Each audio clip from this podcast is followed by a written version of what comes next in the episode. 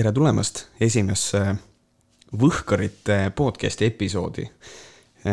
Teie armastatud saatejuhid on Märt Koik ja siis Andreas Jääger. ja tervist ka minu poolt.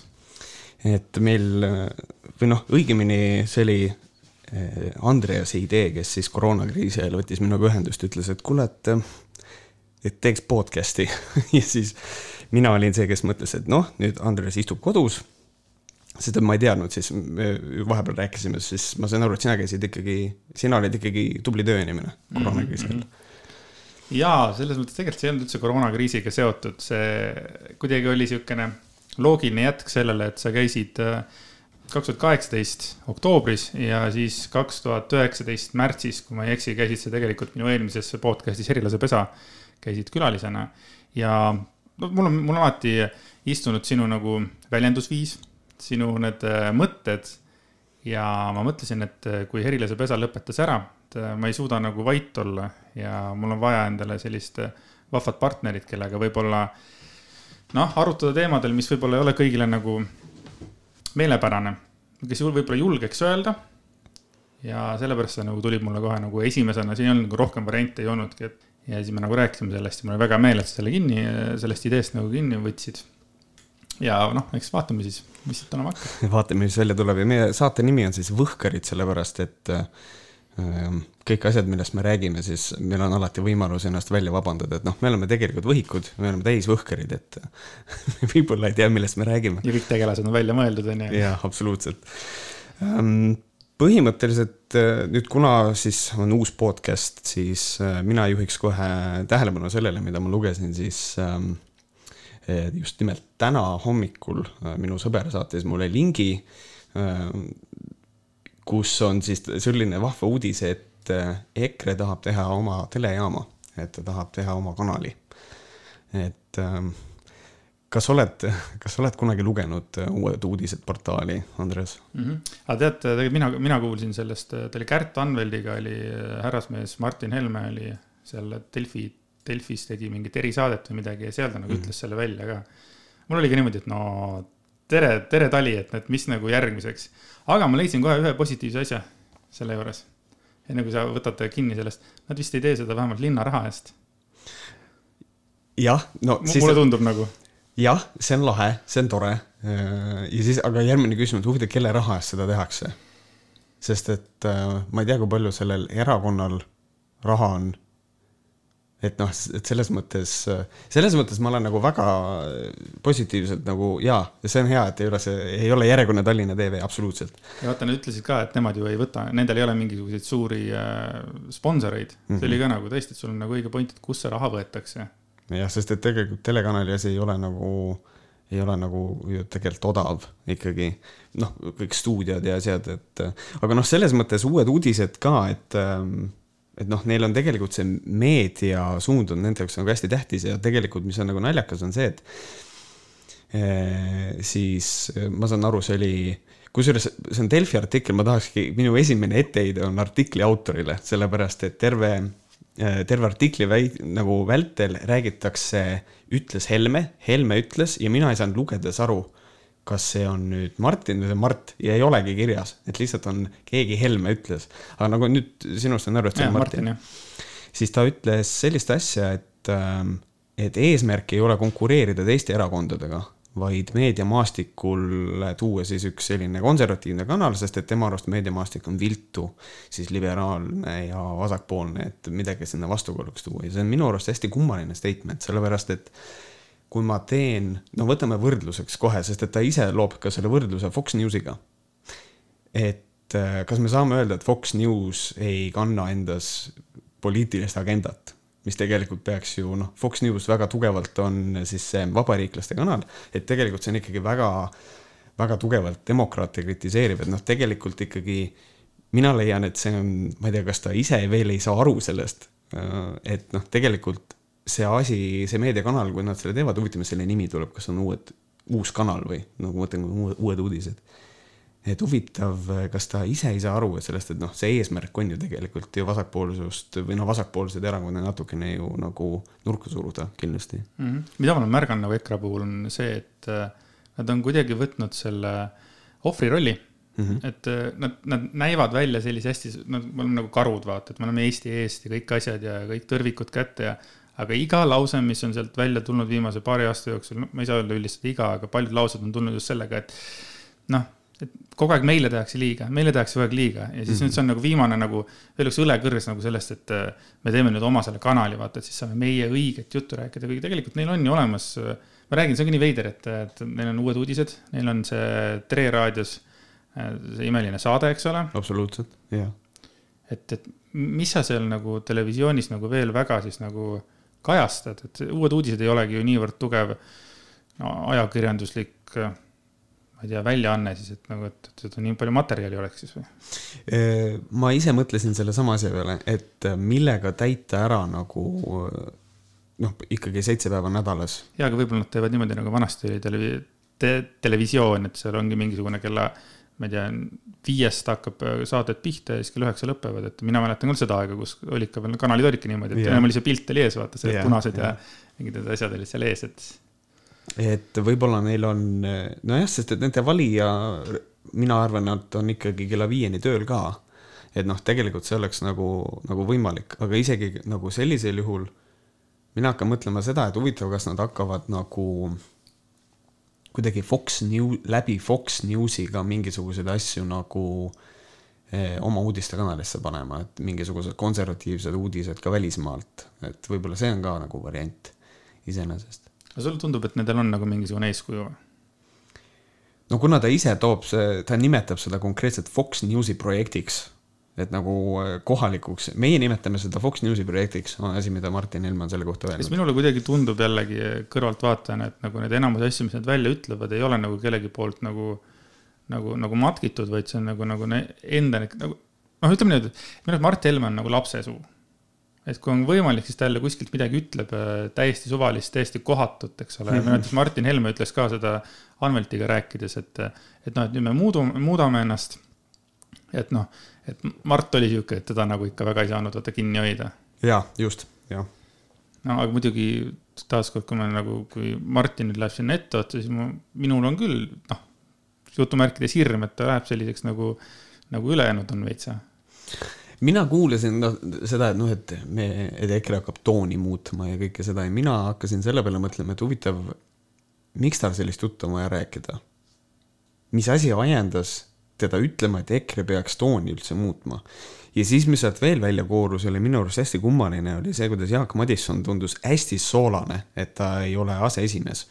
ja kuidagi ütles, äh, tal jäi vist kakskümmend kolm häält puudu ja siis ta ütles seda, et noh, aseesimehel ei olegi siin väga suurt äh, sõnaõigust ja ja noh, et nagu andis nagu mõista, et see aseesimehe koht ongi nagu mõttetu. mille peale tegelikult Martin Helme oli tema suhtes väga kriitiline ja ütles hästi tüüpiline EKRE lause, et selle asemel, et omadega kakelda, et siis nagu kakle nagu opositsiooniga, mis on nagu hästi kummaline, et et selles mõttes ma ei saa öelda, minul on alati hea meel, kui EKRE-s on natukene sisepingeid, eks aga mulle tundub, et ähm, no ma olen sellel seisukohal olnud alati, et, äh, et Jaak Madisson on ka Sinise Äratuse eesotsas olnud, kes on siis EKRE see noorteühendus.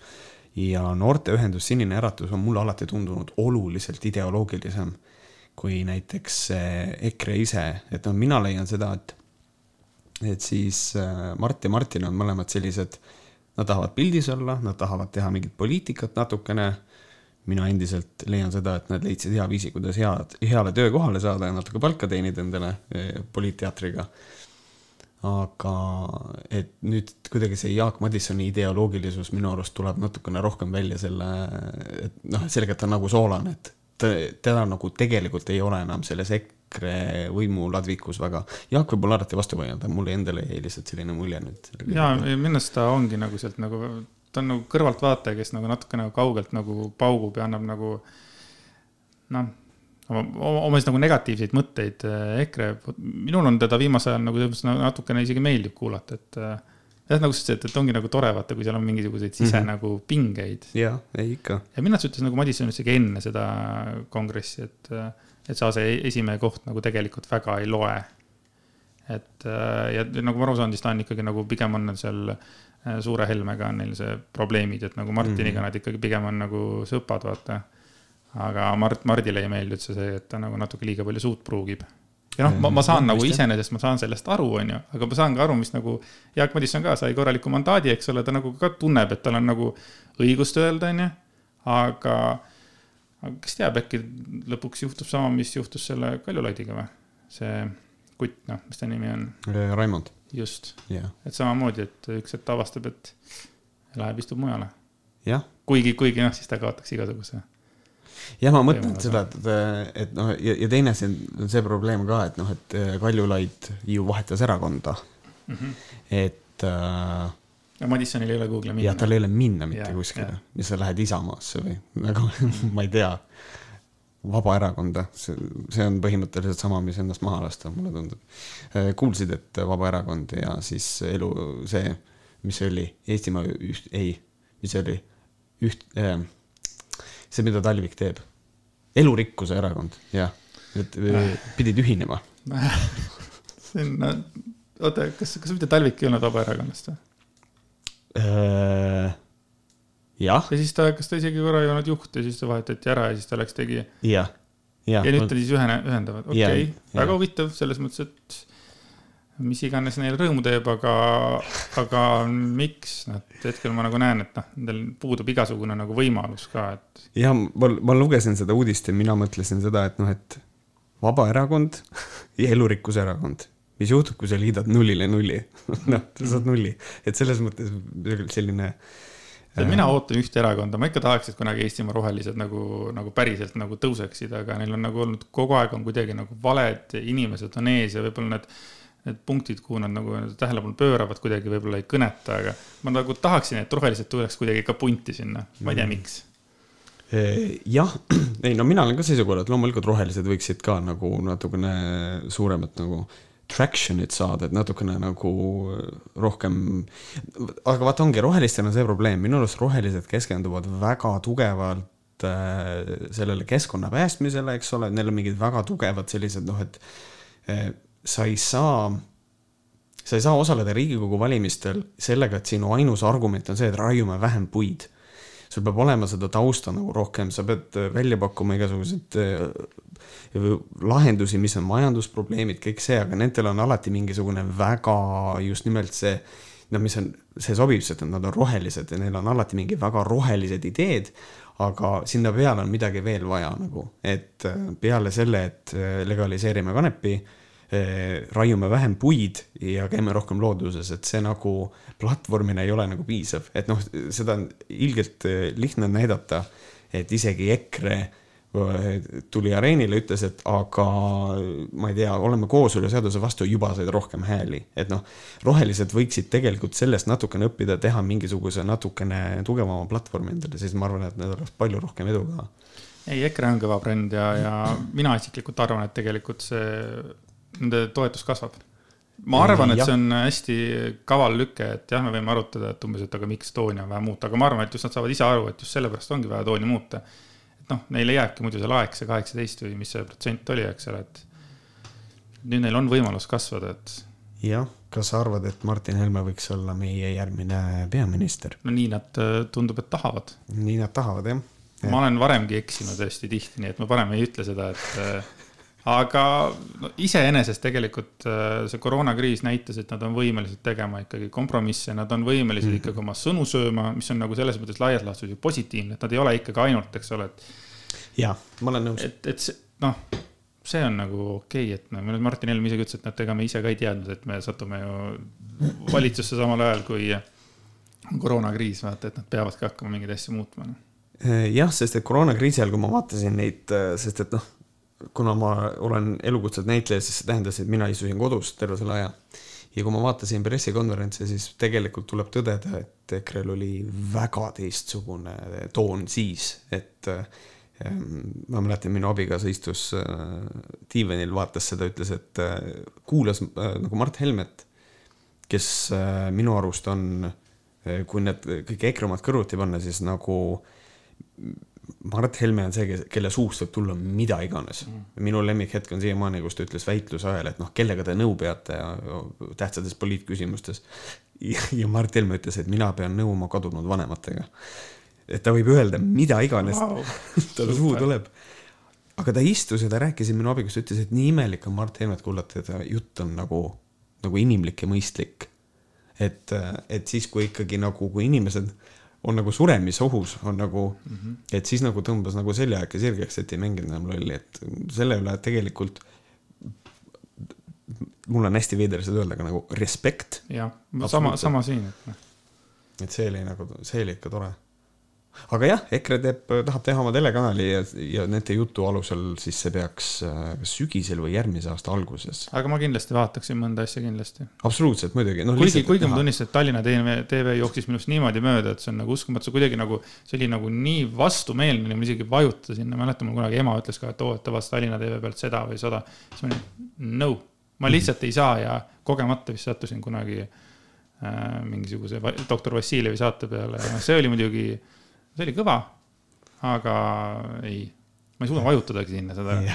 minu isa vaatas filme sealt, sest et seal mingil hetkel olid mingid äh, filmid, mis minu isa. ma arvan, et Tallinna TV kõige suurem äh, võit oli äh, Märt Koigi Youtube'i video Savisaare protsess, sellepärast et seal on vaatamisi, ma arvan, et mingisugune, ma ei tea, kümme, ei, rohkem, viisteist korda rohkem kui nende parimatel saadetel, lihtsalt. mina, mulle meeldib siiamaani see statistika, et äh, nad panid ju kõik viis osa üles Youtube'iga.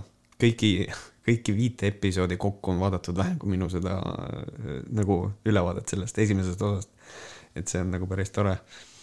Ja suur tä- tänu siinkohal Edgar Savisaarele, kes tegi mulle reklaami ise ka, ütles, et talle väga meeldis video, et me olime siin, mõtlesime, kas seda võiks Tallinna TV-s ka näidata. oota, kas tegelikult ka. Ets oli näinud seda? Ets nägi seda, jah vot. nüüd sa oled veel kõvem vend, ei ole midagi öelda. et äh, aga mulle meeldis selle juures, ma ei mäleta, mis saates see oli, noh. Kes äh, nüüd kuulajatest on vaadanud Tallinna TV-d, siis teie kindlasti teate, mis saade see oli, kus kohas Edgar Savisaar istus stuudios ja vastas küsimustele ja ei vastanud ühelegi küsimusele tegelikult, siis seal oli niimoodi, et ta hakkas sellel teemal rääkima, et väga meeldis, et mõtlesime, et võiks seda nagu näidata ka. ja siis saatejuht lihtsalt kohe nagu, kohe nagu täielik pivot, ta lihtsalt vahetas teemat kohe. Et ma ei tea. kes oli saatejuht, fucking Ahti Puuder seal, noh. ei olnud Ahti Puudersel, üks äh, naisterahvas, kelle nimi mul ei tule meelde. ma tahaks öelda, et mingisugune läbikukkunud saatejuht ikkagi. sest et noh, ei no sa, ei, kuuled või, Tallinna TV-s olid ju tegelikult kõik vana kooli väga kõvad saatejuhid. jah, seda küll And, Andres Raid ja et äh, seal oli sihuke punt kokku aetud, kui ma tõesti kogemata sattusin lugema kuskilt, et Tallinna TV saates, Mhm. vau, see inimene on nagu veel noh, on elus ja nagu teeb saateid. et noh, ikka suutsid. et ja aga, aga põhimõtteliselt, mis on minu hirm, on see, et, et mõnes mõttes selline EKRE loodud ähm, kanal, see võib nagu, nagu väga tugevalt tekitada nagu selle probleemi, et äh, meil tekib kaks kontingenti inimesi ühiskonnas. ühed vaatavad uudiseid, mis on sügavalt konservatiivsed, kes kajastavad äh, põhimõtteliselt uudist nagu teatud vaatevinklist ja siis on, kes vaatavad liberaalset ja siis on nagu see, et inimestel võib olla kahest erinevast asjast, nagu ühest asjast täiesti erinev arusaam nagu. äkki sa ülehindad seda EKRE televisiooni? sest See tegelikult võimalik. oli ju Tallinna TV-ga, oleks olnud ju samasugune nagu hirm, aga noh, see hingitses tallinlaste raha eest väga pikalt ja seal ei olnud mitte mingisugust äh, vaatajanumbrit, isegi siis, kui nad olid nagu, nagu reformarite vastu ja kuidagi suures mm. -hmm. opositsioonis ja tegelikult hästi, nüüd ma ütlen midagi, mille eest tõenäoliselt on vaja kohtusse minna, aga mina leian seda, et Tallinna TV eesotsas oli ka Kari Vargaid, kes ei panustanud äh, ressurssi, et oleks äh, kvaliteetne nagu presentatsioon sellel kanalil. okay., et ma kujutan ette, et EKRE võib-olla on äh, valmis rohkem investeerima sellesse küll reklaami ja stuudiotesse kvaliteeti rohkem. mul on tõesti veider seda öelda, aga mul on tunne, et need mehed on äh, ikkagi tõesti mingisuguse austuse viimasel ära teeninud, sest äh, me ei räägi enam nendest niimoodi nagu, ma ei tea, aasta aega tagasi jah, sest et no jälle tuleme koroonakriisi juurde vist tagasi, et see on nagu mingil mõttel nagu näid-, mingis mõttes näidanud seda, et tegelikult nad on suutelised olema väga efektiivsed, ma leian. kuigi noh, Terviseamet oli vaja kõik laiali peksta, aga peaasi, et sellest ei, ei kasva välja mingisugust äh, noh, et ma, ma just mõtlen seda, et noh, et, et EKRE valijad hakkavad ainult nende telekanalit vaatama, sellest areneb mingisugune, ma ei tea, sekt välja lõpuks, et kes lihtsalt hääletavad julmalt nagu äh, ainult EKRE, kuulavad ainult EKRE uudiseid, see on nagu ohtlik. aga mm -hmm. sektidest rääkides, sektidest rääkides just. Ehm, siis ähm, siin ma nägin, et kuna me oleme ette valmistanud endale, et millest me täna võime rääkida, siis eh, sina pakkusid välja siukse huvitava teema nagu Jehoova tunnistajad. ja see oli seitsmeteistkümnendal juunil oli Eesti Ekspressis väga huvitav artikkel. selles mõttes, et minu arust on nagu Jehoova tunnistajatega on see vahva asi, et iga mingisuguse aja tagant on jälle mingisugune, kas on saade või mingi artikkel, noh, kus nagu point on sama ja siis inimesed nagu räägivad seda, kuidas nad sealt nagu põgenevad ja, ja, ja seal üks jah, üks äh, noormees, kes oli vist, mis vist oligi olnud nagu lapsest saadik seal äh, Jehova tunnistajatega pundis ja siis ta selle aasta veebruaris nagu astus sealt välja. ta oli hakkas küsima küsimusi ja noh, ütleme, et talle ei tahetud vastata. aga arust see kõige see, ma korra jõuan selle, selle artikliga nagu lõppu on selles mõttes, et täna tuli uudis, et, et sellesama tüübi, kes hakkas, tuli Jehovadest välja ta hakkas tegema oma Youtube'i kanalit mm -hmm. ja seal ta siis nagu noh, tekitas küsi-, küsimusi ja võib-olla Jehovade kohta ei rääkinud kõige paremat teemat mm. -hmm. ja see kanal pandi kinni.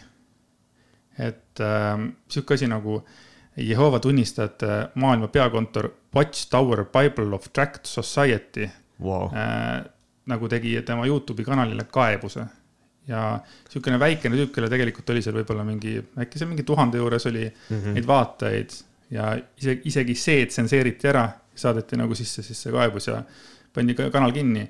aga see tüüp nimega siis Margus Nee nagu tegi oma kanali uuesti ja, ja ma täna nagu tu- natuke vaatasin ka tema neid videosid. see on päris äh, ma olen nagu kursis sellega, et äh, kes sealt välja astuvad, et nendel on nagu väga keeruline ühest küljest äh, nagu siseneda siis siia, ma ei taha öelda päris maailma, aga nagu päris maailma, eks ole. et aga, aga see nagu hirmutab mind, et sa teed väikese kanali ja see pannakse kinni, sest et see mitte ei viita sellele, et neil on nagu ühest küljest nagu palju nagu võimu, et sihukest asja üldse teha, aga teine asi on see, et nad nagu, nad pidid teda jälgima. Nagu tegelikult see viitab sellele, et keegi, kellegi ülesanne või kellegi töö on ilmselt siis selle kuti tegemise ikkagi jälgida, mida ta teeb ja kus ja mida ta räägib ja kus ta räägib, et see on tegelikult päris õudne. ma ei kujuta ette. no jah, ma räägin, et see, me räägime mingist väikesest äh,, imeväikesest kanalist tegelikult mm, -hmm. see on, aga no eks Eesti Ekspress andis sellele ikkagi hoogu juurde ka tollele eelmisele kanalile, sest et mm -hmm. teema oli taas püstitatud ja alati räägitakse nendest mingitest kindlatest reeglitest, mis nagu noh, ütleme, et meie, meie jaoks võib-olla ei ole normaalsed, näiteks tõesti, ta ütles ka, et seal, et see Margus Nee, et noh, ta on nüüd neli kuud olnud äh, sealt välja astunud, et ta on põhimõtteliselt neljakuune praegu, et inimene mm -hmm. ei ole ka oma sünnipäeva pidanud ja, ja ma rääkisin ühe inimesega, kelle vend oli Jehova tunnistaja, tähendab, tegelikult ei olnud, aga ta nagu abiellus naisega, kes oli ja et äh, siis sunniti tema ka sinna piibel kätte, iga pühapäev oli seal, piibel oli käes seal, ähm, mis see on, kuningriik või kus nad on, eks ole, aga tegelikult äh, noh, tegi nagu kõike, mis, mida ta ei tohiks teha, eks ole, et äh, jah, igasuguseid asju tegi, igatahes seesama tüüp, noor tüüp, tollel ajal oli vist äkki umbes kahekümne juures, ta tappis ennast ära mm. -hmm. Et ma ei ütle, et see ei ole Jehova tunnistajatega seotud, noh, inimesel oli ka muid psühholoogilisi probleeme, on ju, aga et, et jah, ka, ka niisugused inimesed võetakse sinna sisse. ja siis ma kirjutasin siin ühele Pealtnägijas äh, esinenud tüübile ja kuna Pealtnägijas oli samamoodi Jehova tunnistajatest äh, saade, siis äh, üks vend rääkis ka, et ta läks sealt ära mingisugune pool aastat tagasi ja et noh, ta ei ole vanematega rohkem suhelnud, sest noh, vanemad kohe automaatselt mm -hmm. lõpetavad suhtlemise ära yeah.. siis ma kirjutasin talle, küsisin, et äh, kuidas praegu seis on siis nüüd siin mingisugune noh, peaaegu, peaaegu kümme kuud hiljem. siis ta ütles, et seis on, ta kirjutas vastu, et seis on täpselt sama, et äh, vanemad ei ole temaga ikka suhelnud, nagu sellega on null. ma küsisin ka taga, tagakiusamise kohta ja selle kohta ta ütles, et noh, tagakiusamist ei ole olnud.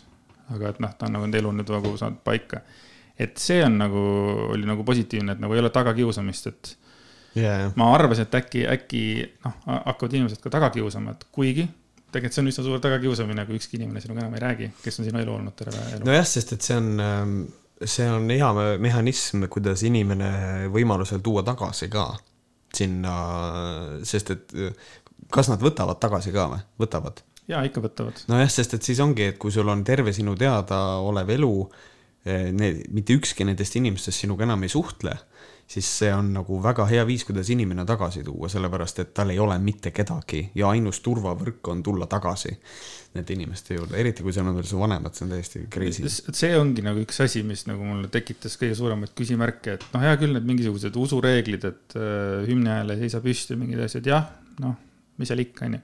aga kui seal on niimoodi, et noh, su vanemad või su perekond sinust nagu ära pöörab mis usk see on nagu? jah, et, et mis hetkel on, see on, see tundub nii veider asi, et noh, samas minul on nagu ateisti positsioonis seda jube lihtne öelda. et ma ei saa aru, kuidas saab olla eh, religioon tähtsam kui pere. et nagu su oma lihane laps, aga siin ongi see, et ma ei ole otseselt mitte kunagi olnud religioosne inimene.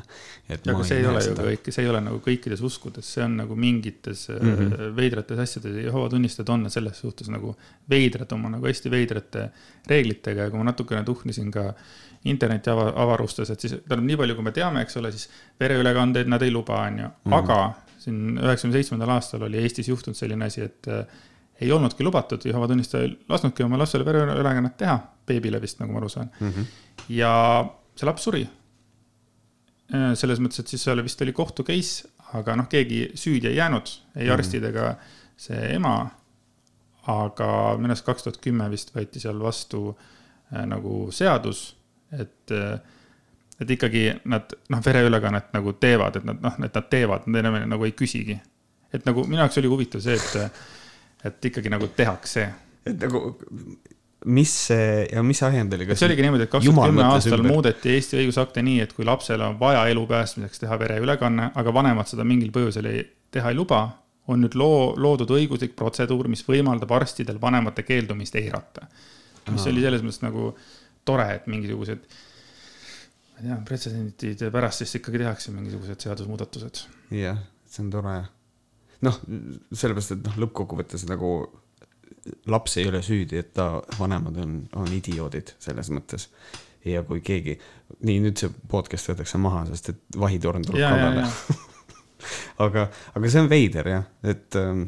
ma olin üllatunud, et päris palju on ka neid Jehova tunnistajaid, me räägime kahe, kaheksa koma kuuest miljonist inimesest. ja tegelikult kogu seda sekti siis, äh, seal on siis nagu seitse inimest otsustavad kõige üle ja need on kõik, okei okay,, see tundub nüüd hästi kummaline argument või, või nagu väide, aga kõik need seitse inimest on valged mehed, eks? vot ma ei oska sulle öelda, New Yorgis seal mingisugused on, ma ei ole nagu otsinud, ma ei vaadanud üle, kas on valged mehed või ei ole, et mm. laias laastus, kas see nagu muudaks midagi, sest seal vist ei ole midagi. no üldiselt jah, muudab, noh, nii palju muudab, et kui, kui reegleid teevad keskealised mehed siis see viitab üsna, noh, kindlasti see religioon on vist ka ei ole väga, kuidas ma ütlen, modernses mõttes ka väga naistesõbralik ilmselt. et, äh, et on, kindlasti on äh, sellised traditsioonilised soorollid seal. ja ma arvan, et mehed väga tugevalt ju seisavad selle eest eesotsas seitse, seitse meest. ma, ma, ma igaks juhuks ei hakka ütlema jah, sest et sellest ma ei tea, ma tean, et äh, igatahes seal nagu sektis, ütleme siis selle kohta niimoodi nagu soovitatakse leida ikkagi endale nagu tüdruk sealt. ja, ja. noh, ja kui sealt ei leia, siis noh, ja leiad, ütleme kuskilt mujalt, siis sa pead hakkama selle eest nagu vastust andma. ja kui sa kohal ei käi, siis sa pead andma vastuseid mm. -hmm. et ja. ja nii edasi, et sind kontrollitakse, nii palju kui ma aru saan, siis äh, Jehova tunnistajatel isegi kontrollitakse, mida, ütleme, inimene Facebookis like ib. ja kui ta midagi like ib, mis ei sobi, et siis ka selle eest nagu ka sellest mm -hmm. räägitakse ja see on nagu, noh, see on kont-, noh, see on nagu kontrollimise kuningad täielikult sel juhul. ja no ma mõtlengi, et noh, see on täiesti suur vend ikkagi selle, nüüd kus ma, nüüd kus sa ütled, et nagu Facebooki nagu, nagu Lauri Vedaja nimetab, kui keegi kontrollib like'e, et see on laigiment et kui keegi konkreetselt nagu likee jälgib, siis ma ei imesta üldse, et keegi, see on kellegi ülesanne vaadata, et nii, nüüd see kutt astus välja, nüüd ta tegi Youtube'i kanali, nüüd ma pean iga päev vaatama, mida ta postitab. siis see on nagu väga, väga, väga loogiline sellest. mina igatahes soovin Margus Nee nimelisele noormehele palju edu, et ta nagu teeks oma tööd, kui ta nagu näeb, mis on nagu seal valesti olnud ja kui ta on seal kolmkümmend üks aastat põhimõtteliselt seal sees olnud ja ta räägib nendest, mis on valesti, siis minu arvates see on mm. nagu väga, väga äge ja ma loodan, et nagu rohkem ta neid kanaleid kinni ei panda, sellepärast et ma ei tea, sõnavabadus või mis või? Uh, see on sihuke rabbit hole, kuhu võib alati minna, et kas sõnavabadus, kas see läheb sõnavabaduse alla, kui platvorm otsustab, et see ei sobi mingisugusele kaebusele toetudes muidugi see tundub väga korruptiivne, et noh, selles mõttes, et miks Youtube kanali kinni paneb, mille alusel, mis, kas, kas nad väidavad, et ta solvas nende usku. sest et sellisel juhul mul tekib kohe küsimus, et miks, miks scientoloogidel, miks võib scientoloogide kohta teha videosid, et hei, nad on kõik segased ja nüüd, kui keegi teeb seda Jehoova tunnistajate kohta, siis õnnestub see kanal kohe maha võtta. see on kummaline. see on väga kummaline. see tundub mega korruptiivne mm. -hmm. see on hästi, see on, see on nagu, nagu tõsiselt kummaline. aga sa oled täiesti ateist, on ju? Ehm, ma olen, kui ma olin, see on, see on huvitav lugu, see on, see on selles mõttes, kui ma ikkagi, minu ma ema. väike on ju, siis ma olin Jehova tunnistaja yeah.. kui ma olin väike siis, siis jah, ei, mul oli niimoodi, et minu ema oli usklik. ja oli siis selles mõttes, et enam ei ole et äh, ja ta luges mulle piiblit, seda laste piiblit, noh, mis oli nagu absoluutselt igas mõttes, äh, isegi nagu kirjanduslikust perspektiivist on see parem kui, kui piibel ise, eks. see oli ilusa värvilise pildiga peal. jaa, kogu aeg olid pildid nagu ja, vist igal leheküljel. jah, et äh, ta luges selle mulle ette ja, ja noh, ja ikka lapsena, et noh, jah, ei noh, kui ema ütleb, et jumal tegi maa, maailma, siis järelikult tegi aga siis ma, ma nagu kasvasin sellest nagu välja ühel hetkel. lihtsalt sellepärast, et see ei tundunud mulle loogiline. ma ei oska seda isegi põhjendada, miks. ja nüüd, kui ma vanemas eas olen üritanud seda endale kuidagi põhjendada nagu religiooni kui sellist, siis ma ei saa sellest aru ja ma lihtsalt, ma ei usu, ma ei usu seda ja ongi kõik, sest et praegusel hetkel elus ma olen väga teaduspõhine inimene ja, ja kui keegi ei suuda mulle tõestada, et, et, et jumal on olemas ja niimoodi, et ta ei too mulle argumendiks piiblit ennast, siis nagu ma, sorry, ma ei, ma nagu ei viitsi, aga ma olen olnud väga eh,, kuidas ma ütlen, ka religioonivastane inimene eh,. siis, kui ma olin teismeline, siis ma olin, ma olin väga edgy, edgy väike mees nagu. et ähm, põhimõtteliselt praegusel hetkel oleme sealmaal, et mul ei ole selle vastu mitte midagi, kui inimesel on mingi religioon aga niikaua, kuni keegi teine viga ei saa selle pärast ja niikaua, kuni ta seda peale ei suru, on minu arust kõik nagu väga hästi. mina otseselt äh, olen nagu sellisel seisukohal. ja Jehovade töö oli ka ju see kuulutamine ja see, et noh, see on ka üks asi, mis mul on ka alati hästi vastu käinud mm, -hmm. just seesama. aga mis mulle nagu usu juures meeldib, on see, et noh, näiteks tegelikult eestlased ja kogu maailm tegelikult elab ju kristlike põhimõtete järgi, need saavad nagu noh, pointid on ju sama ära tee mm -hmm. seda ja ära tapa ja ära, kõik need on nagu noh, kristlikud põhimõtted ju. et see on ju nagu väga okei okay. ja mäletan see, kui inimestel on keegi, kelle poole nagu pöörduda, keda uskuda. see on just. minu arvates ka nagu äge, sest palju hullem on see, kui inimesel ei ole nagu, nagu midagi ja kui puudub ka iseendasse usk. jah, noh just või noh. mis asi sa siis oled, vaata. jah, ongi, et noh, mõni inimene ei usugi äh, iseennast äh, läbi siis jumala ka, noh, kui see talle seda kergemaks teeb, siis see on kõik hästi, aga kui... igasugune äärmus on lihtsalt äh, nagunii pöörane. et noh, aga kui sa tuled mul, tuled mulle peale suruma oma religiooni, siis see ei ole minu arust okei okay.. no ja minu arust nii lihtne see ongi.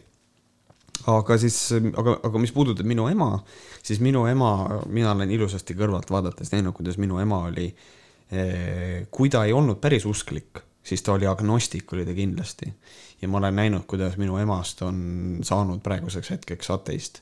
aga noh, seal taga on ka noh, teatud traagika, ta on eh, kaks oma last eh, pidanud maha matma. ja ma leian, et see on ka väga oluline nagu selline lüke nagu selle suunas, et, et, et inimene kaotab oma usu. et noh, et ühel hetkel on lihtsalt see, et noh, tegelikult nagu miks, millega ma selle ära olen teeninud, miks, ma ei tea, jumal karistab mind, mille eest aga äkki jumal ei karistagi mind, et tegelikult äkki see lihtsalt läks nii, sest et elu on selline, et võib-olla see ei ole üldse jumalaga seotud. ja mina leian, et minu ema praegu on ateist nii palju, kui ma olen ja temaga vaatan, et teistpidi on huvitav see, et kui inimesed on, paljud inimesed, kes ei ole usklikud, on kõik ära Mhm. kaotanud, siis nad just pöörduvad äh, nagu jumala poole. Nad otsivad midagi, et jah, jah, siukene, et noh, selline katarsis mingisugune nagu mingisugune vahetus toimub, aga mina leian seda, et kõik religioonid on okeid, niikaua kuni nad ei tee minu arust kummalda kasvõi seda lendavat spagetikoletist, peaasi, et sa ei tee teistele liiga, ongi kõik. täiega. et noh, sellepärast ongi, et äh, me terroriste vihkame me kõik, aga nagu moslemitel ei ole viga mitte midagi, kui ta on normaalne moslem, rääkimata sellest, et moslemeid on ka väga palju erinevaid, eks ole, et kui räägitakse isegi sellest, et oh, nad tulevad ja kehtestavad siin omad, omad seadused ja mis on see šaria loo, siis need on üle maailma, see šaria loo on, väga erinev, kuidas keegi, noh, see kehtib inimestele, kes on moslemid et tegelikult üks õige endast ja teistest inimestest lugupidav moslem ei tule sulle ütlema, mis, et sina pead nüüd näete selle šaaria loo järgi elama, see, see ei ole tegelikult nii, nad elavad selle järgi ise. et see on, et see on ka nagu selline minu arust nagu väga asjatu hirm mõnes mõttes. et äh, ma ei tea, see, see läks kuidagi jube hipilikuks ära, selline, et armastame kõik üksteist. nojah, aga sa olid nagu sa ütlesid, sa olid väikene, mis sa olid, väike H-i giid või? jah, no ei oli muidugi, mina olin, ma, ma ei tea, ma olin mingi suur geivihkaja. sa, siis ma olin suur äh, an- antireligioosne inimene, aga ma olen kuidagi hästi nagu maha rahunenud. huvitav on see, ma ei ole mitte kunagi rassist olnud. vot, vot see on asi, millest ma ei ole aru saanud nagu. Et see on nagu, ei no mul on õigus öelda neeger, kui ma tahan. ei no see on nagu, klassikaline vaata. ja nagu, nagu, nagu Linnar Priimegi ütleb, et see on ilus eestikeelne sõna ja minu ema ütles nii. kas see tähendab seda, et ja, ja mis mind eriti valmistas mulle suure pettumuse, oli Ivo Linna nii, ma ei ole vist seda näinudki või kuulnud. et Ivo Linna ütles ähm, eh, ka, et noh, et, et tema ei saa aru, et sellel ei ole negatiivset tähendust, sellel sõnal neeger ja tema on Linnar Priimega nõus, et see on ikkagi, tema ema on öelnud, see on eestikeelne sõna ja miks ei tohi öelda. ja siis ma olin nagu selle peale, et no jaa, aga kui nüüd tänasest päevast ilus eestikeelne sõna, keegi ütleb Ivo Linnale konstantselt iga päev, pöördub tema poole kui vitupea.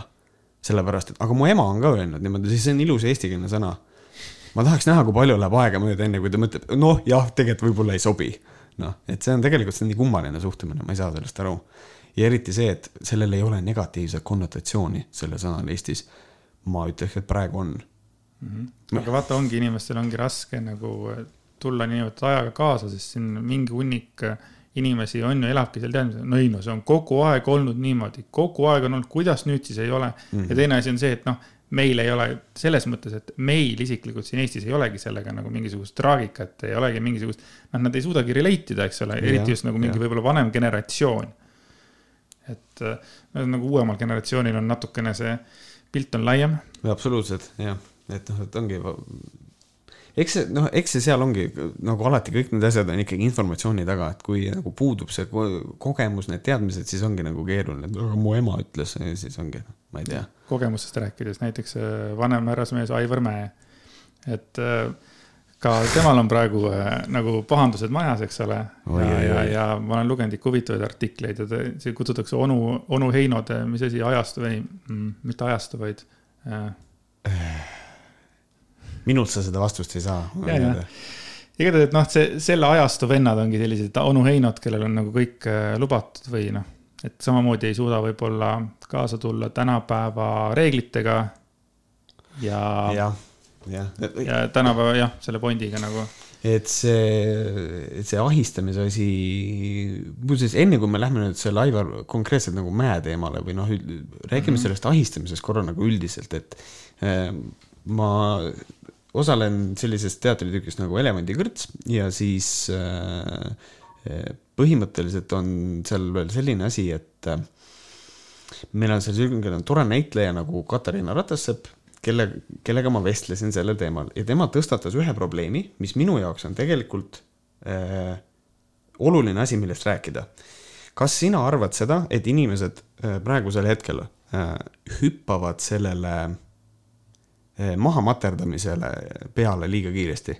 et kui tuleb uudis, et ta vist on ahistaja, kas inimesed reageerivad sellele liiga kiiresti või mitte, mis sa arvad kui sa räägid sellest, sellest mm? -hmm. äh, situatsioonist, no näiteks siis ma arvan, et jah. mm. -hmm. aga kui me võtame näiteks Venno Loosaare situatsiooni, siis ma ütleksin ei sest et ähm, miks ma seda küsin, sellepärast et ma, mind konkreetselt huvitab see, nagu sinu seisukoht, sellepärast et ühest küljest on see, et ähm, hästi palju he, nagu he, heidetakse ette seda, et noh, et see on, et süüdistused on anonüümsed. Ja et loomulikult alati võimalus, et keegi valetab, aga põhimõtteliselt, et karjäär on juba rikutud ja nüüd enne kui keegi hakkab kuskile vihas kommentaari kirjutama, chill ma lihtsalt, ma mängin praegu selle mõttega, et ähm, et mina ise leian seda, et, et tegelikult võiks nagu natukene skeptilisem olla alati, aga võiks olla skeptiline mõlema poole suhtes. et nagu selles mõttes, et kui keegi ütleb, et Aivar Mäe, ma ei tea, mm, mis seal Ekspressis oli hea näide, markantne näide oli see, et ta tõmbas kellegi dekoltee nagu ja lihtsalt vaatas tisse. mis on nagu mega creepy, et selles mõttes ma suhtuksin sellesse väitesse teatava skepsisega, aga ma suhtuksin ikkagi Mäesse ka, et aga see võimalus on õhus aga kohe, kohe on hästi massiivne selline, et on ahistaja, võtke maha, kõik nagu ma üldiselt, mul ei ole tegelikult selle, noh, et see on see nagu öeldakse, mis on cancel culture või, et nagu cancel Aivar Mäe, cancel, cancel. et nagu selles mõttes mina tahaksin, mind huvitab tõde tegelikult kõige rohkem. et kui ta seda päriselt tegi, of course, cancel kohe.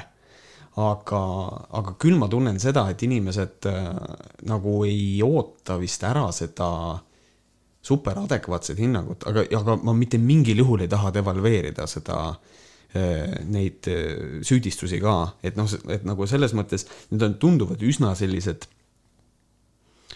ma ei tea, ma ei tahaks, ma ei taha, noh, need on nii kuidagi jõhkrad näited, need, neid nagu annab välja mõelda Äh, ja vaata selles mõttes, kui see Ekspressi artikkel tuli, siis äh, jah, seal on kirjas anonüümne, aga noh, kõik mm -hmm. me mhm. teame ja need, arvatavasti kõik ei tea, aga ütleme, et ajakirjanikel on olemas need inimesed nagu mm -hmm. nimedega ja nägudega selles mõttes, et, et ilmselgelt see ei ole nagu noh, seal on kirjas anonüümsed, on ju, aga need ei ole nagu anonüümsed, et see on nagu ka, mida mm -hmm. hästi paljud, no eriti vist arvatavasti kommentaatorid ja ja võib-olla, kes ei süvene asjasse nagu kohe nagu kipuvad nagu äh, lahmimangis, et see on -hmm. mingite inimeste, anon-, ei ole noh, see, see on nagu fakt, et ja. Eesti Ekspressi ja. tuleks elu sees, äh, Grete Lehepuu oli äh,, oli see tütarlapse nimi vist, naisterahva nimi tähendab. et ta ei tuleks elu sees sellise nagu teemaga välja, kui see oleks nagu lihtsalt mingisugune külajutud või mingi anonüümne mingisugune jutt, et, et selles mõttes seal on kindlasti asjad äh, noh, seal on nagu teema on taga et äh, aga jaa, ma, ma olen sinuga ka nõus, et võib-olla, et tuleks nagu mõlemalt poolt vaadata, et mina nagu ka pro proovisin nagu saada seda informatsiooni nii palju, kui ma sain, et ma ei hakanud kohe mõtlema, et, et nüüd ta on nagu täiesti, ma ei tea, mis asi, on ju, ja vastupidi, et jah, muidugi alati võib olla. jaa, just et noh, minu probleem ongi see, ma olen selline elupõline nagu see fence sitter, ma istun nagu aia, ma, ma istun aia peal, ma vaatan mõlemalt poolt ja mõtlen, et kuhu poole aeda ma nüüd hüppan, eks ole, et, et minul on nagu see elupõline probleem, mulle meeldib olla pigem vaatlevas positsioonis. Eh, kui hinnata seda kõike, mis on nüüd Aivar Mäe kohta öeldud, kui hinnata tema seda vabandust, mis ta tegi ja kui äh, siis äh, vaadata seda, mida kirjutas üks, äh, üks naisterahvas ka artikli tema kohta, siis ma tegelikult, äh, mina arvan, et seal on ikka väga palju tõtt taga. mina arvan, et Aivar Mäe on täpselt sihuke, nagu kirjutatakse. mina arvan küll seda. mul ei ole, mul ei ole põhjust arvata seda, et mingid suvalised inimesed otsustasid Aivar Mäe selle koha pealt ära kangutada ja leidsid, et see on lahendus. see tundub mulle täiesti absurdne. see Aivar Mäe advokaadi see pöördumine ja kõik see suhtlus, et ma kuulsin, kuulsin Kuku raadios teda rääkimast ja olen veel mõnes korras rääkinud, on ikka väga nagu, väga nagu kuri ja väga ähvardav ja ja, ja noh, ma tunnen, et ma nagu saan aru pointile, mis ta teeb, et point ongi see, et nagu, et noh ära, ära hirmutada ja ära hirmutada ka arvatavasti need, kes on juba suut nagu paotanud niinimetatud anonüümselt, eks ole mm -hmm.. noh, minule isiklikult tundub see niimoodi, see on hästi ründav ja, ja, ja, ja tundub, et tuleb üks äh, nasty äh, nagu kohtuprotsess, kui see läheb kohtusse, ma arvan, et läheb. miks ei peaks minema tegelikult? ja, jah, ma arvan ka. et äh, lihtsalt see, lihtsalt see, kuidas Aivar Mäe alguses sellesse asjasse nagu suhtus ja ja selline kõik see oli, ma ütlen, see esimene nädal oli nagu veits nagu koomiline ja ilus sõna, aga sihuke nagu, nagu valesti, kõik oli nagu valesti ka nende poolt tehtud. absoluutselt. ja, ja, ja siis nagu üks hetk saadi aru, et okei okay,, we're fucked. ja siis nagu võeti kaardivägi välja ja kas sina oled nagu kokku puutunud selle härrasmehega? sina oled ikkagi samas kandis töötav inimene laias laastus? mina ei ole, mina isiklikult ei ole, et äh, mul on kursavend, minu teada on temaga ilmselt küll kokku puutunud, aga kuna ta on kursavend, siis ma arvan, et tal ei, ei ole etteheiteid. Mm. et, et, et, et ei ole, ma tegelikult, vot, vot see on hea mõte, ma peaks küsima oma kursavenna käest, kas, mis tema telgitagune asi ütleb selle kohta. Aga samas mm ma ei saa seda ilmselt kunagi välja öelda, sest et mul on nüüd üks kursavend, kes on Estonias tööd teinud ja see uuritakse kohe välja aga kuidagi jah, alati nagu tuleb see jutus kellegagi räägid, siis kohe hakatakse rääkima, ei no nüüd ma ei või enam midagi teha ja ta-ta-ta ja ta-ta-ta. ja tegelikult, kui see nagu tuli see artikkel või ise, hakkasid ka mõtlema kohe, et seal oli kirjas, et ta oli suur kallistaja, et talle meeldib inimesi kallistada, onju. Mhm. ma hakkasin mõtlema, kurat, ma olen ka inimesi alati sünnipäeva puhul kallistan. kohe nagu tekkis endal ka mingisugune sihuke nagu mingisugune lollakas süü, aga tegelikult nagu point ei ole mm -hmm. selles, nagu see situatsioon oli hoopis midagi muud. ja noh, ongi, et noh, selles mõttes äh, mina olen ka väga kallistaja tüüp aga kui ma saan aru, et inimene tõmbab krampi ja ta ei taha mu kallistada, siis ma nagu, ma saan aru, ma vabandan ja ütlen sorry, et noh, et, et ja noh, ja mis puudutab, kui ma kohtun uue inimesega, täiesti uue inimesega, siis ma kindlasti ei kallista teda. kui sa täis oled, siis ikka. ma ei ole täis kunagi. ega ma ka täispäev ei kuku kallistama, aga et... sa üldse nagu ei võta?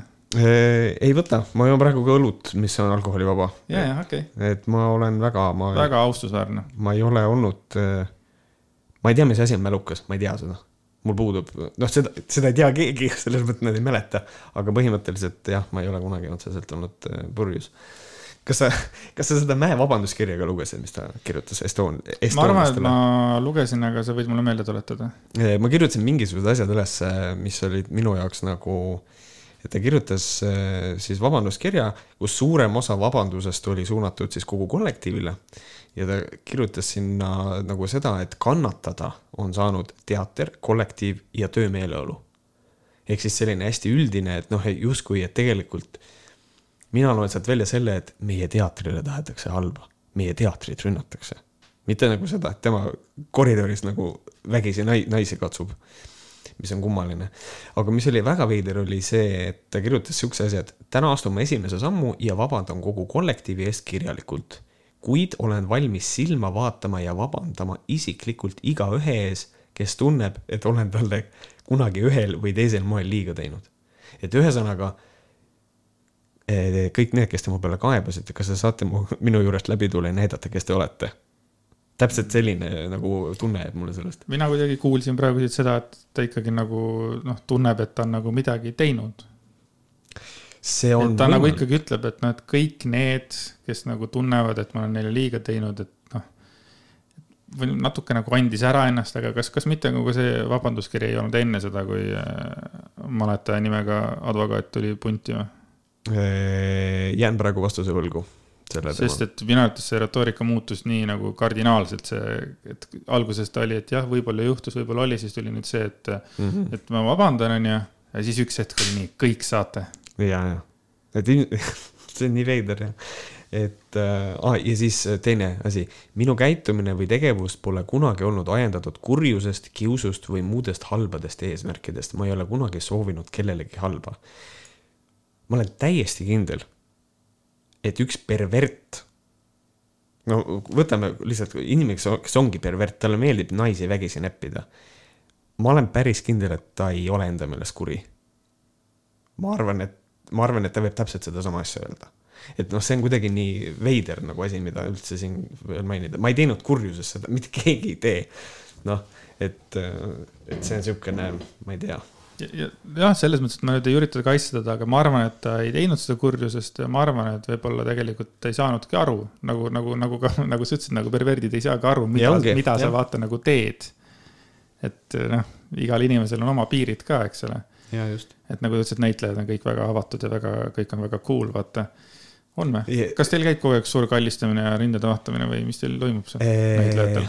ma teadsin, et sa küsid seda see on näitlejatel, no mina olen halb näide, sellepärast et ma olen niikuinii näitlejana kuidagi selline rohkem endasse tõmbunud ja kõik, aga ma võin öelda üldiselt seda, et näitlejad tunnevad ennast mugavamalt üksteise seltskonnas kas esineb rohkem puudutamist, ma mõtlen nagu in a grand sense üld, üldse absoluutselt äh, õlale vatsutamisest alates on kõike puudutamist on rohkem.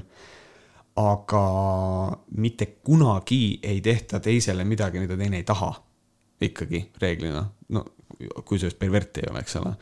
et üldises plaanis äh, jah ma võiksin öelda, et eks seal on see probleem, et seal on mõnel perverdil lihtsam sellises äh, keskkonnas nagu noh, teha oma ma ei tea, tegeled oma erialaga ehk pervertlusega, eks ole. sest et seal on, inimesed on sellele võib-olla vastutulelikumad. et see võib-olla nagu lihtsustab seda asja, aga ma leian seda, et äh, kui mingi piir on ületatud, siis sellest saadakse ikkagi väga selgelt aru. sest et mina leian seda, et kui inimene on väga nagu avatud, äh, siis seda selgemalt on, inimene saab aru, kuskohast mingi asi on nagu liiga palju. et äh, üldiselt, kas inimesed on teatris vabamad, kindlasti, jah, vastus on jaa aga ma leian, et see ei ole mitte kuidagi otseselt selline asi, et, et siis oleks, peaks olema okei okay, mingisugune teise, mingisugune kuuekümne aastase mehe näppimine, ma leian, et see ei ole sihuke, see ei ole okei okay.. mina igatahes huviga ootan seda kohtuprotsessi, sest ma arvan, et see tuleb mm. -hmm. Ja, sest et praegusel ja, hetkel ta tööleping on katkestatud. just, kaheksa, kaheks kuuks oli vist või? Ka, kaks kuud ja just ja siis äh, Arne Mikk, kes on siis äh, Estonia nõukogu esimees tema protesti eesmärgil lahkus nõukogu esimehe kohalt. protesti või? väga selgelt minu jaoks protesti eesmärk, et ma ei taha sellest enam osa võtta. sest et Arne Mikk on see mees, kes ütles selle asja kohta seda ka, et, et Rahvusooper Estonia sisekliima äh, muutub skandaali tulemusena, et äh, üheks tulemuseks on kindlasti see, et teatris tekib täiesti uus õhkkond, sest inimesed hakkavad ennast vaos hoidma ja elurõõmu jääb mhm. vähemaks. seda ma ka lugesin, see oli päris, päris äge. aga see Arne Mikk on vist äh, hästi vana härrasmees. kas ta on kaheksakümmend äkki või oh, ta on kaheksakümmend kuus kaheksakümmend kuus. ta on kaheksakümmend kuus ja ta on Estonias töötanud kuuskümmend kaheksa aastat Vau. minu ema sündis äh, aastal tuhat üheksasada viiskümmend kaks, minu isa ka, Arne Mikk juba siis töötas Estonias. uskumatu. see on täiesti jõhker. et ta on, ta on ikka, ta on ikka väga old school mees nagu. et ta on olnud erinevates ametites, nõukogu esimees ta on olnud neli aastat ja siis äh, nüüd äh, otsustas lahkuda. hästi nõme mõte. ma tean, see on nõme, aga kas võib võimalik olla, et kui sa oled kuuskümmend kaheksa aastat töötanud samas majas võib-olla sa ei saagi enam aru, kui majas on probleem. absoluutselt. ma arvan, et see on äh, väga õige mõte. sest et see on nagu, ta nimetas, et Estonia lisaks töökohale on olnud ka tema kodu. et noh, et aga äkki ongi see, et sa ei näe enam selliseid asju, et noh, lihtsalt. Äh, ma, ma arvan, et see on igal pool on niimoodi, et kui sa kuskil oled mingi pikalt ühes kohas töötanud, et ütleme, kakskümmend mm -hmm. aastat kuskil töötanud on ju, teine inimene tuleb värske piluga, vaatab on ju, tema näeb hoopis neid asju mis on nagu selle inimese, kes kakskümmend aastat on töötanud, on nagu, on normaalne, tavaline, ta ei suudagi teistmoodi mõelda, vaata mm. -hmm. et jaa, see on väga õige mõte. et ma ei tea, mina igal juhul loodan seda, et ja absoluutselt, mina kutsun üles täiesti ausalt, kui sind on kunagi keegi, ükskõik, kes sa kuulad, kui sind on keegi seksuaalselt ahistanud, siis räägi sellest, see ei ole okei okay., seksuaalne ahistamine ei ole okei okay.. et kindlasti sellel teemal võiks nagu inimesed väga julgelt sõna võtta, sest et mina leian, et see, selle asja võiks ühiskonnast välja juurida küll, et keegi siin nurga taga salaja käperdab. ma arvan, läheb natuke aega veel. kindlasti ja kindlasti on väga palju neid samu inimesi, kes ütlevad ka, et noh, et enam, enam ei tohi naistega flirtida ja vaata, see on ka tihtipeale inimesed hakkavad sellest rääkima. et noh, kui ma, mina leian seda, et aga ma, ma leian, et ei tohikski flirtida kui sinu flirt on see, et sa hakkad inimest, sa rabad tal tissis kinni ja ütled, lähme nüüd seksima, siis ma leian, et sa, selline inimene ei tohikski flirtida mitte kellegagi. et nagu ma ei tea, suhelge viisakalt, austage üksteist, ma ei, ma ei oska seda kuidagi nagu paremini sõnadesse panna nagu. ilusad mõtted, ilusad mõtted. aga räägime nüüd äh, sellest ka, et seoses sellega, et, et, et inimesed võiksid rääkida, siis äh, mis on sinu mõtted sellega, et äh, alaealised võiksid ilma vanema loata minna psühhiaatri juurde? no ma olen kahe käega poolt ja ma ei ole üllatunud muidugi, see on nüüd jälle see EKRE mingisugune halb pool, et nagu nad selle järjest nagu maha surusid, nagu ma kuulsin, siis nagu viis korda üritati seda teemat nagu üles tõstatada sinna, sinna, kuhu, nad viia tahtsid selle voli, ei, whatever kohta mm. -hmm. ma tean igatahes, et viis korda prooviti ja kogu aeg nagu suruti maha see EKRE poolt. ja just. mulle tundub, et nende peamine probleem on, mis nüüd ühes, ühe toreda inimese kirjutises välja tuleb, milleni me varsti jõuame et mulle tundub, et nende peamine vaenlane siis see sooideoloogia on see, mis nad kardavad, et psühhiaatrid hakkavad lastele nagu, laste sugu muutma. mis on, mis on nagu iseenesest nagu lahe mõte, ainult et psühhiaatrid ei tee seda et mõttena nagu lahe, aga, aga, aga tõsiselt kummaline, sest et minu arust unustatakse ära see, et noh, et lapsevanem peab teadma Eh, kus ta laps käib, eh, mida arst talle ütleb, aga teisest küljest on nagu see, et aga kui, kui laps elab totaalselt nagu mingi terror all kodus, sest et siukseid lapsi on olemas ja tal on vaja abi, sest ma ei usu, et ta vanemad lasevad nagu. et see on nii kummaline, sest et jaa, uued uudised, mis eh, varsti võib-olla näeme Kingotist teleekraanil ka lolli juttu ajamas, mulle väga meeldib et äh, siis äh, Gert Kingo kirjutas uued uudised portaalis. Ähm, ma tahaks teada, kus sa üldse selle artiklini nagu jõudsid ehm,? kas keegi saatis selle sulle või sa ikkagi käid salaja lugemas uusi uudiseid ehm,? keegi vist, keegi vist saatis ikkagi. ma olen päris kindel, et keegi okay, saatis okay. aga ma käin aeg-ajalt ikka jah, ma käin aeg-ajalt loen Objektiivi ja ma vaatan, ma vaatan pealkirju, ma noh, ma vaatan. sa Telegrami ka vahepeal kuulad või vaatad? äh,. Aa ei, mu standardid nii madalad ei ole veel, aga, aga ma arvan, et ma arvan, et see on asi tegelikult, millest ma võiks ka edaspidi rääkida, on Telegramist mingisugused asjad tegelikult. super, saime idee. et ähm, aga Gerd Kingo siis kirjutas, et, äh, et noh, et alaealistele ei tohiks anda õigust käia siis psühhiaatri juures ilma vanema loata ja ta tõi välja põhjuseid. esimene põhjus on see, et see, et see lahutab ja lammutab perekonda sest et psüühilised probleemid väidetavalt siis ei tee seda või? et noh, ma ei saa sellest. ma ei saa, see, see, see lause oli täiesti nagu out of box, kust sa võtad seda või mis see on nagu? jah, aga ta viis, aga ta täpsustab seda hästi kummalisel viisil, et alles loodi perelepitajate ametid, kelle ülesandeks on lahendada laste ja nende vanemate vahelisi konflikte ja tekkinud suhtlusprobleeme. Ehm, ja siis ta on lisanud ikka selleks, et aidata taastada ühtehoidvat, hoolivat ja tugevat peret. nii ma nüüd räägin, sest et see on mul hingel. Ehm, Gert Kingo oli meie minister, tuli välja, et ta ei tea, mille, mida ta teeb, siis ta löödi sealt minema. ta endiselt töötab mingisuguses äh, nagu väga kõrgel kohal siiski, ta mingis noh, et see, et ta üldse sihukese asjaga tegeleb. mis iganes see on, millega ta tegeleb praegu, ma ei tea. ta ei ole adekvaatne niikuinii, aga ta toob siin välja perelepitajad, eks ole ja ma uurisin nende perelepitajate kohta ja tuleb välja selline asi, et ähm, et see ei vasta tõele, et advokaadibüroo siis üks perekonnaõiguse advokaat ja reaalne perelepitaja, kelle nimi on Helen Hääl, äh, ütleb ise perelepituse kohta, et perelepitaja ei langeta otsuseid, ei lahenda osapoolte probleeme, vaid üksnes aitab osapooli lahenduste leidmisel. ehk siis ta räägib risti vastu sellele, mida Kingo ütleb. ehk siis Kingo ta ei tea, mis asi on perelepitaja, tuleb välja. ja minu, minu abikaasa luges ühte, ühte uurimustööd, kus tuleb välja, et perelepitaja amet kui selline on täiesti kasutu. see ei, see, see ei ole, sellel ei ole resultaati aga kus see perelepitaja üldse on, see on mingi riigi töökoht või mis see on nagu? see põhimõtteliselt ähm, nii palju, kui ma olen aru saanud, siis ta ongi, ta on, ta on seotud, et noh, et kui sa, kui noh, idee on selles, sul on näiteks eh, vanemad tahavad lahku minna ja on oht, et see asi läheb kohtusse, mingi asi on väga kole, siis on variant, et eh, võetakse perelepitaja, et asi ei läheks juriidiliseks ja siis ta lihtsalt aitab neil leida lahendusi, et noh, käige teraapias või tehke seda või tehke toda. mina saan sellest niimoodi aru aga nii palju, kui ma olen aru saanud, siis tegelikult tihtipeale, eriti mis puudutab näiteks vägivaldseid peresid, kus näiteks isale meeldib mingil põhjusel äh, emale vahepeal nagu vastu hambaid panna, siis üldiselt see ei lahenda mitte ühtegi probleemi, vaid äh, tihtipeale, nagu meie kohtusüsteem on, see vägivaldne vanem tõenäoliselt tal jääb õigus ka lõpuks ikkagi, kui asi peaks ka kohtusse minema, et nagu põhimõtteliselt et äh, nii palju, kui ma olen aru saanud, siis see perelepitus ei ole nagu üldse adekvaatne asi.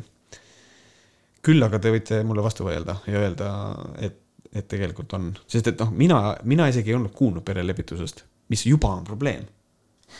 sellepärast et nagu. ei no kui, kui sina ei ole kuulnud, siis ilmselgelt on probleem, vaata. et, et siin on, et meil alles loodi perelepitajate ametid äh,. Pole kuulnud esimene mõte kohe, et noh, et ma ei tea aga minnes edasi, siis ta ütleb seda ka, et lapsevanem on seaduse järgi oma lapse eest vastutav. kuidas on võimalik vastutada, kui puudub ülevaade ja informatsioon lapse tegevusest? kas nagu kõikidel vanematel on üldiselt täielik informatsioon äh, oma laste tegevusest? just. minu vanematel ei olnud absoluutselt mingit informatsiooni, millega mina tegelesin, ma oskasin väga hästi peita enda tegevusi peale selle. noh, täpselt ja, ja, ja ongi nagu see, et ähm, et lisaks sellele, et ta võib nagu vastutada lapse eest, ta võib võib-olla vajalikku ravi takistada, kui ta oma lapse eest niimoodi vastutab, et see on ka nagu probleem. ja ma olen nagu täiesti kindel, et on olemas juriidikas mingisugune nagu klausel, mis vabastab eh, vanema mingisugusest vastutusest, kui ta laps midagi teeb. et nagu selles mõttes, võtame nüüd selle Kingo variandi et äh, mis iganes ravimid või asjad need on, mis, mis lapsele antakse, ma ei tea, mida Kingo arvab, et lastele antakse, ma ei kujuta ette. et nüüd laps läheb peast segi, on ju, ja paneb, äh, ma ei tea, lükkab vabadussamba pikali, on ju. siis ma olen päris kindel, et see, see ei ole vanemate vastutuse alla, see ei lähe tegelikult. ma ei usu seda et see peab olema, juriidikas peab olema mingisugune klausel, et nüüd kõik, mis su laps teeb, sina oled süüdi. ei no aga nende rohtudeni ta vist vast jõuab veel rohtudeni ta jõuab muidugi. Ähm,. noh, ongi ju järgmine, kui laps otsustab iseseisvalt pöörduda psühhiaatri poole ja talle määratakse tugevatoimelised ravimid äh,, sulgudes on ta toonud antidepressandid ja rahustid, siis kuidas on võimalik lapsevanemal, kes ei tea, et lapse valdusesse on jõudnud sellised ravimid, jälgida, et laps järgiks ravidistsipliini, et rohud enda valdusesse saanud laps ei võtaks ravimeid näiteks koos alkoholiga kuidas, kuidas saab lapsevanem garanteerida, ütleme, et, et ta teab ravimitest, kuidas ta saab garanteerida, et neid ei võta koos alkoholiga? see on võimatu. see on täiesti välistatud, selles või, või noh, see, see, see point on täiesti loll selles mõttes, et seda garantiid ei ole niikuinii. aga mul on tunne, et nagu Gerd Kingo nagu arvab, et üldse nagu äh, ka lapsed on nagu, nagu täiesti nagu kohe nii kui saab, kohe nad hakkavad mingeid asju, ta ütles ka vist, et hakkavad müüma rohtusid.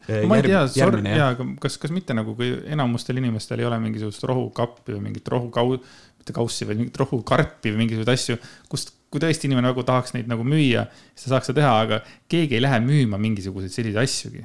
see just. ei ole ju nagu üldse teemagi nagu, nii palju kui mina aru saan.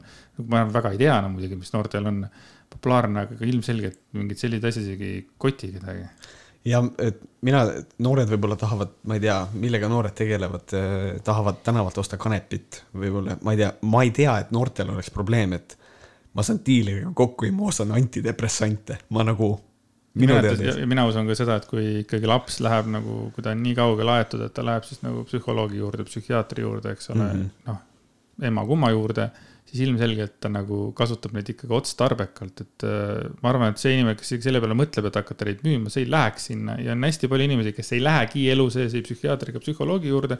ja see on nagu täiesti okei okay,, onju, aga, aga nagu, et takistada seda, seda võimalust mm -hmm. inimestel nagu yeah., see on nagu, see on, ma, ma, ma ei, ma ei suuda nagu, ma ei suuda nagu tõesti aru saada selle, selle inimese mõttemaailmast, üleüldse nagu EKRE, EKRE mõttemaailmast ka, nagu ma aru sain, siis sinu suur sõber äh, oli seal vist nagu seal oponent ka seal. Varro Vooglaid, just. Varro Vooglaid oli mingisuguses komisjonis jah, kes, kes. tema oli ekspert, nagu ma aru sain seal omakorda, et, äh, et vahepeal on mingid asjad, millest ma lihtsalt ei suuda aru saada, miks nagu takistada nagu äh, lastele abi saamast, et noh, mina aru sain, siis statistiliselt on selle poole aasta jooksul olnud seitse enesetappu Äh, siis nagu alla kaheksateistaastaste seas mm. -hmm. eelmine aasta kokku oli kaheksa ja noh, nüüd arvatakse, kardetakse, et see sügisel võib veel nagu äh, suuremaks minna, eks ole, see -hmm. noh, küll koroona mingid järelmõjud ja nii edasi, et jah, sest et kusjuures see on tegelikult äh, Kingorga point, et eriti ohtlik saaks seadusemuudatus olema suitsiidse,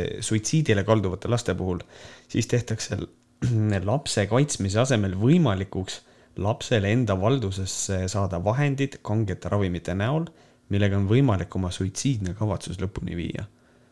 ma olen täiesti kindel, et äh, alaealine võib täiesti südamerahuga minna Bauhofi endale nööri osta. ma arvan, et tal ei ole selle jaoks vaja ravimeid võtta. et nagu kui inimesel on kindel soov ennast ära tappa, ma leian, et see ei ole nüüd küll mingisugune, et nüüd hakkame massiliselt ennast ära tappa, ma ei usu. vastupidi, see nagu aitab sellele, et inimesed ennast ära ei tapaks mm. -hmm. sest et noh, mina olen oma elus olnud äh, sellises kohas, kus ma olen pidanud sööma antidepressante või selles mõttes, et noh mm -hmm., need on mind aidanud noh, mingil eluhetkel, eks ole, et ja on mingid inimesed, kelle jaoks on psühholoog, psühhiaater ja antidepressandid on nagu, ma ei tea, mis asi, vaata Ja. nagu see on nagu kõige hullem asi, et sa nagu mingi hull oled või midagi, onju.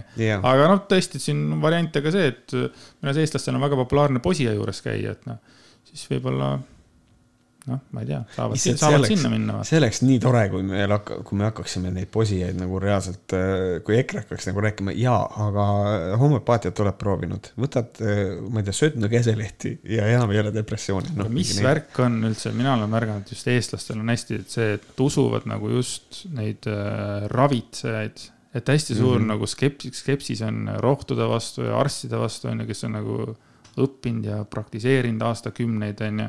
et noh, mis värk sellega on, et?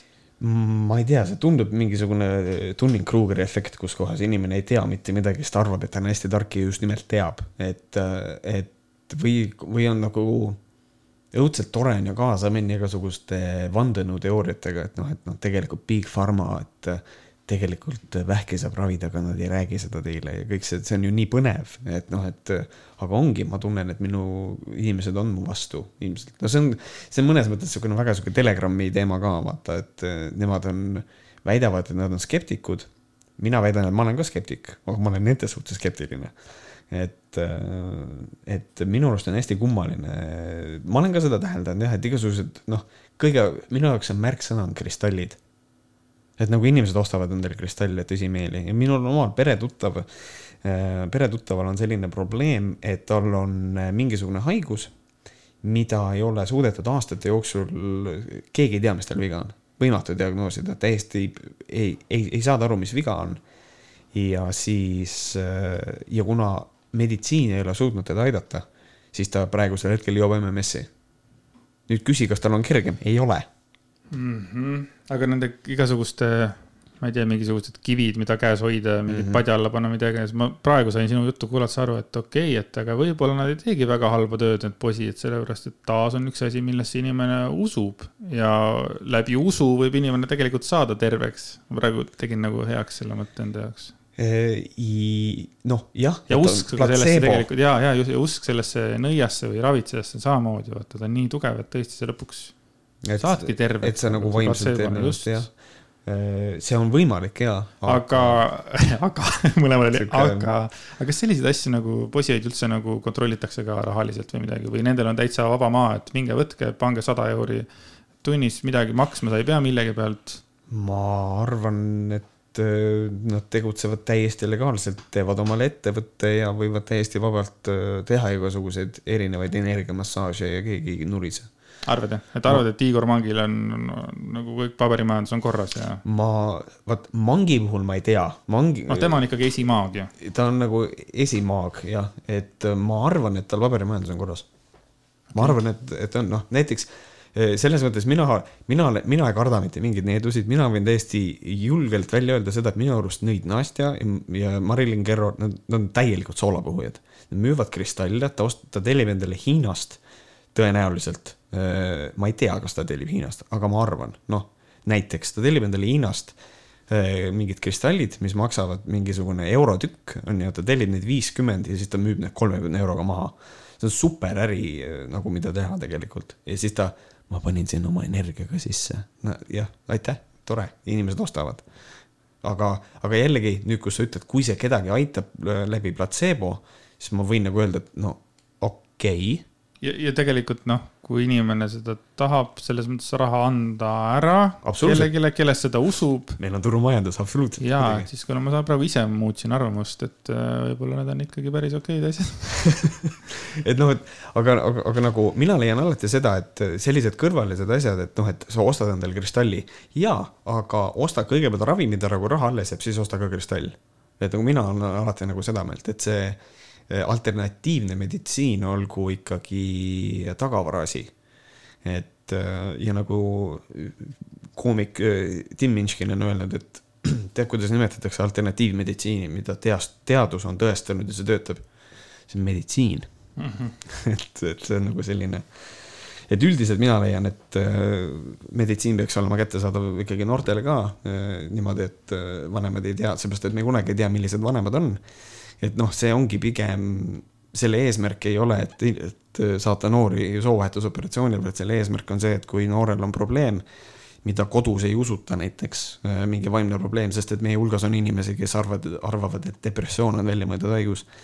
et, äh, et need inimesed saaks abi siis oma niimoodi, et vanemad ei pea sellest, sellest teadma, et ma leian, et selle tulemusel lihtsalt meil on rohkem terveid noori ja ma loodan, et see läheb läbi seal, nad saavad selle sinna suurde saali või kus iganes nad seda nagu hääletavad ja, ja, ja nagu Helmen Kütt, selline naisterahvas ütles, et ta on vist sotsiaaldemokraat ja tema selle teemaga vist äh, tegeleb mm. -hmm. et siis nagu loodetavasti inimesed, kes seal hääletavad, hääletavad oma südame, mitte selle järgi, mis neile nagu öeldi siis niinimetatud peakontoris, eks ole. ja just, just, mis on, mis on täiesti eraldi teema see, mis uh,, jah, see, see, milline on südame järgi hääletamine, milline on see, mis on ette öeldud, need nupuvajutajad on uh, see see on, see paneb mind kohe põlema, see teema. ja see oligi see huvitav ka, et eh, mida võivad teha siis alla kaheksateistaastased, nemad tohivad eh, aborti teha, nad tohivad vaktsineerida ja nad eh, tohivad sünnimärke eemaldada.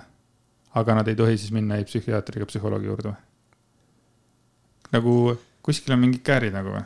See on, see on nii jabur, see on nii jabur, ma ei teadnud seda, see on nii loll mm, -hmm. et nagu oma vaimse tervise eest ei tohi. aga kõige muu eest nagu, okei okay,, see on veider vot, sellised olid siis tänased teemad. sellised olid meie tänased teemad, et ähm, vaatame, võib-olla järgmiseks korraks saab mingi põneva mingi Telegrami asjaga ikkagi. tegelikult see on hea mõte, see on asi, millest tegelikult võiks rääkida, mingisugune soolapuhumine on alati põnev. ja Telegram äh, annab alati head materjali. Ja kui ma kuulasin Telegrami podcast'i, reklaam Telegrami podcast'ile, siis seal Hando Tõnumaa kutsus koroona ajal äh, äh lakkuma, ma ei mäleta, kas see oli bussi, ei, laudasid vist või mingisuguseid asju, et, et noh, lakkuge, et, et selles näitame, et koroonat ei ole olemas, et noh. et noh, ka täiskasvanud inimene. Fucking Christ pea neljakümne aastaseks saav inimene vist kutsus inimesi noh, lakkuma wow. kohti, et tõestada, et ei ole koroonat, et see oli nagu no, veits nagu viimane piir nojah, sest et see, see on tegelikult, see kutsub inimesi üles olema erakordselt äh, kuidas ma ütlen, nagu erakordselt ohtlikud ühiskonnale tegelikult et äh,. koroona koroonaks, aga üleüldse nagu mingid bussis käsipuud lakkuda, ma ei tahaks ka väljaspool koroonat ja no,, ja. ja ma kardan, et ma jääksin haigeks, kui ma seda teeksin see on huvitav, see on huvitav, ma isegi, mina olin väga koroonas kinni, aga tegelikult see on nagu hea point, et nagu ärge üldiselt nagu lakkuge mingeid käsipuid, tõesti see on nii, see on nii veider üleskutse, kusjuures siia kõrvale on väga hea tuua seda, kui ma ei eksi, siis Inglismaal mingi protesti käigus eh, keegi sülitas vist mingi turvamehe peale eh, nagu mingi protesti eesmärgil mm -hmm. või et noh, et kas tal on koroona või mingi asi, siis ta sülitas selle turvamehe peale. ja kusjuures see turvamees suri ära, ta sai koroonaviirust ja ta suri ära. et palun ärge lakkuge käsipuid. ja, ja kusjuures mul läks üks asi meelest ära, et äh, tahtsimegi teile anda tegelikult kaks filmisoovitust see mm -hmm. äh, noh, seoses Jehova tunnistajatega ähm, on tegelikult väga huvitavad äh, filmid Netflixis, sihuke asi nagu One of Us, ei, see ei ole Jehova tunnistajatest, aga see on ähm, mm,. Ha, ha, mis, mis asi on? Hasidic Jews, jah. just, mis see Hasidic eesti keeles on? ma jään praegu vastuse. ma ei leidnud Translate'ist äh, Hasidicule nagu tõlget. siis ütleme, et need on Hasidi juudid. jah, One of Us on siis nagu dokumentaalfilm inimestest, kes on välja astunud sealt juudi kogukonnast Just. ja noh, seal on juba asi veits äh, tõsisem. ja, ja, ja see, ka sealt tuleb välja see väga mingisugune korruptiivne olemus, et kui suur just, võim on ühel äh, just. sellisel kogukonnal, see on päris õudne. ja siis mina soovitaks tegelikult Netflixis ka sellist sarja nagu Unorthodox, mis põhimõtteliselt jällegi räägib äh, siis nendest samadest juutidest, küll aga see on see on siis äh, ühe, ühe, läbi ühe naise silmade ja see on põhimõtteliselt tehtud ühe päris äh, inimese lugude järgi, küll aga ta on suuremalt osalt on väga oluliselt muudetud ja ta on fiktsioon. kuid siiski äh, see sisse, sissevaade sellesse kogukonda on siiski üsna tõetruu. ja anortodoksi näitleja töö on täiesti super, et mm, see naisnäitleja, kes seal on, ma nagu tundsin iga tema valu mm. ja iga tema nagu emotsiooni et selles mõttes minu arust see on nagu super näitleja töö, et ma ei tea, kuidas sina näitlejana seda hindad, aga mina mittenäitlejana nagu väga nautisin tema seda karakteris olemist või seda mm, -hmm. ma tundsin ta valu, saad aru või? ei, see on, see on, see on, näitleja töö on väga hea, siin ei ja, ole üldse. et aga ärge siis ära ehmatage anortodoksil, et see on saksa keeles. ja seal just. viskab vahepeal inglise keelt. vot, aga aitäh teile, et te kuulasite meid. suur tänu, järgmise korrani. just, tšau